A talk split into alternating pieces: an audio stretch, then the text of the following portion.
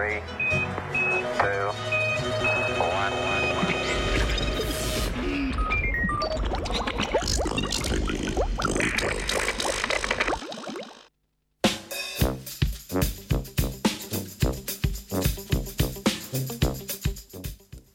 Kako sinica ve, kje je njena špajza?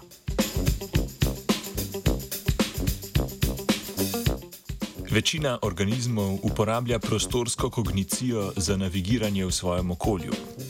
Skupina znanstvenic in znanstvenikov je z raziskavo objavljeno v reviji Current Biology prvič potrdila genetsko osnovo prostorskih sposobnosti pri pticah, ki shranjujejo svojo hrano. Ugotovili so namreč, da je variabilnost sposobnosti pomnjenja lokacije hrane povezana z variiranjem v genomu.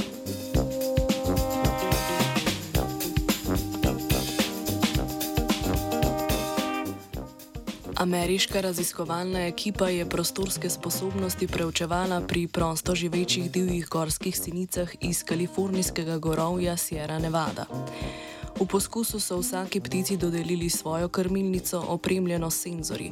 Kadar jo je sinica obiskala, je mehanizem prepoznal njeno identifikacijsko oznako in ji odprl vrata, da je lahko prišla do hrane.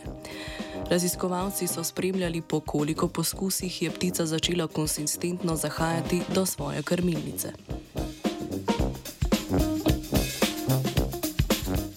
Glede na uspešnost iskanja lastnih krmilnic so lahko določili njihovo sposobnost prostorskega pomnjenja. V nadaljevanju so raziskovalke primerjale genome ptic sinic.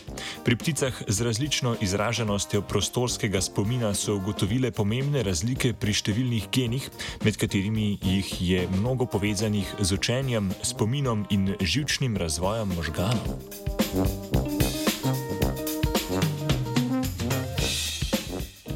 Raziskovalna ekipa zaključuje, da naravna selekcija oblikuje spominske sposobnosti ptic sinic.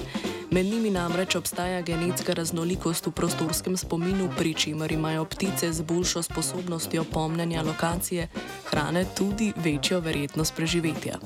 Poleg preučevanja genetske osnove pa je v prihodnje treba raziskati vlogo učenja in izkušenj pri oblikovanju prostorskih sposobnosti ptic.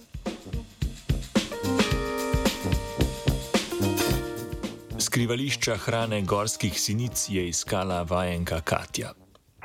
Three,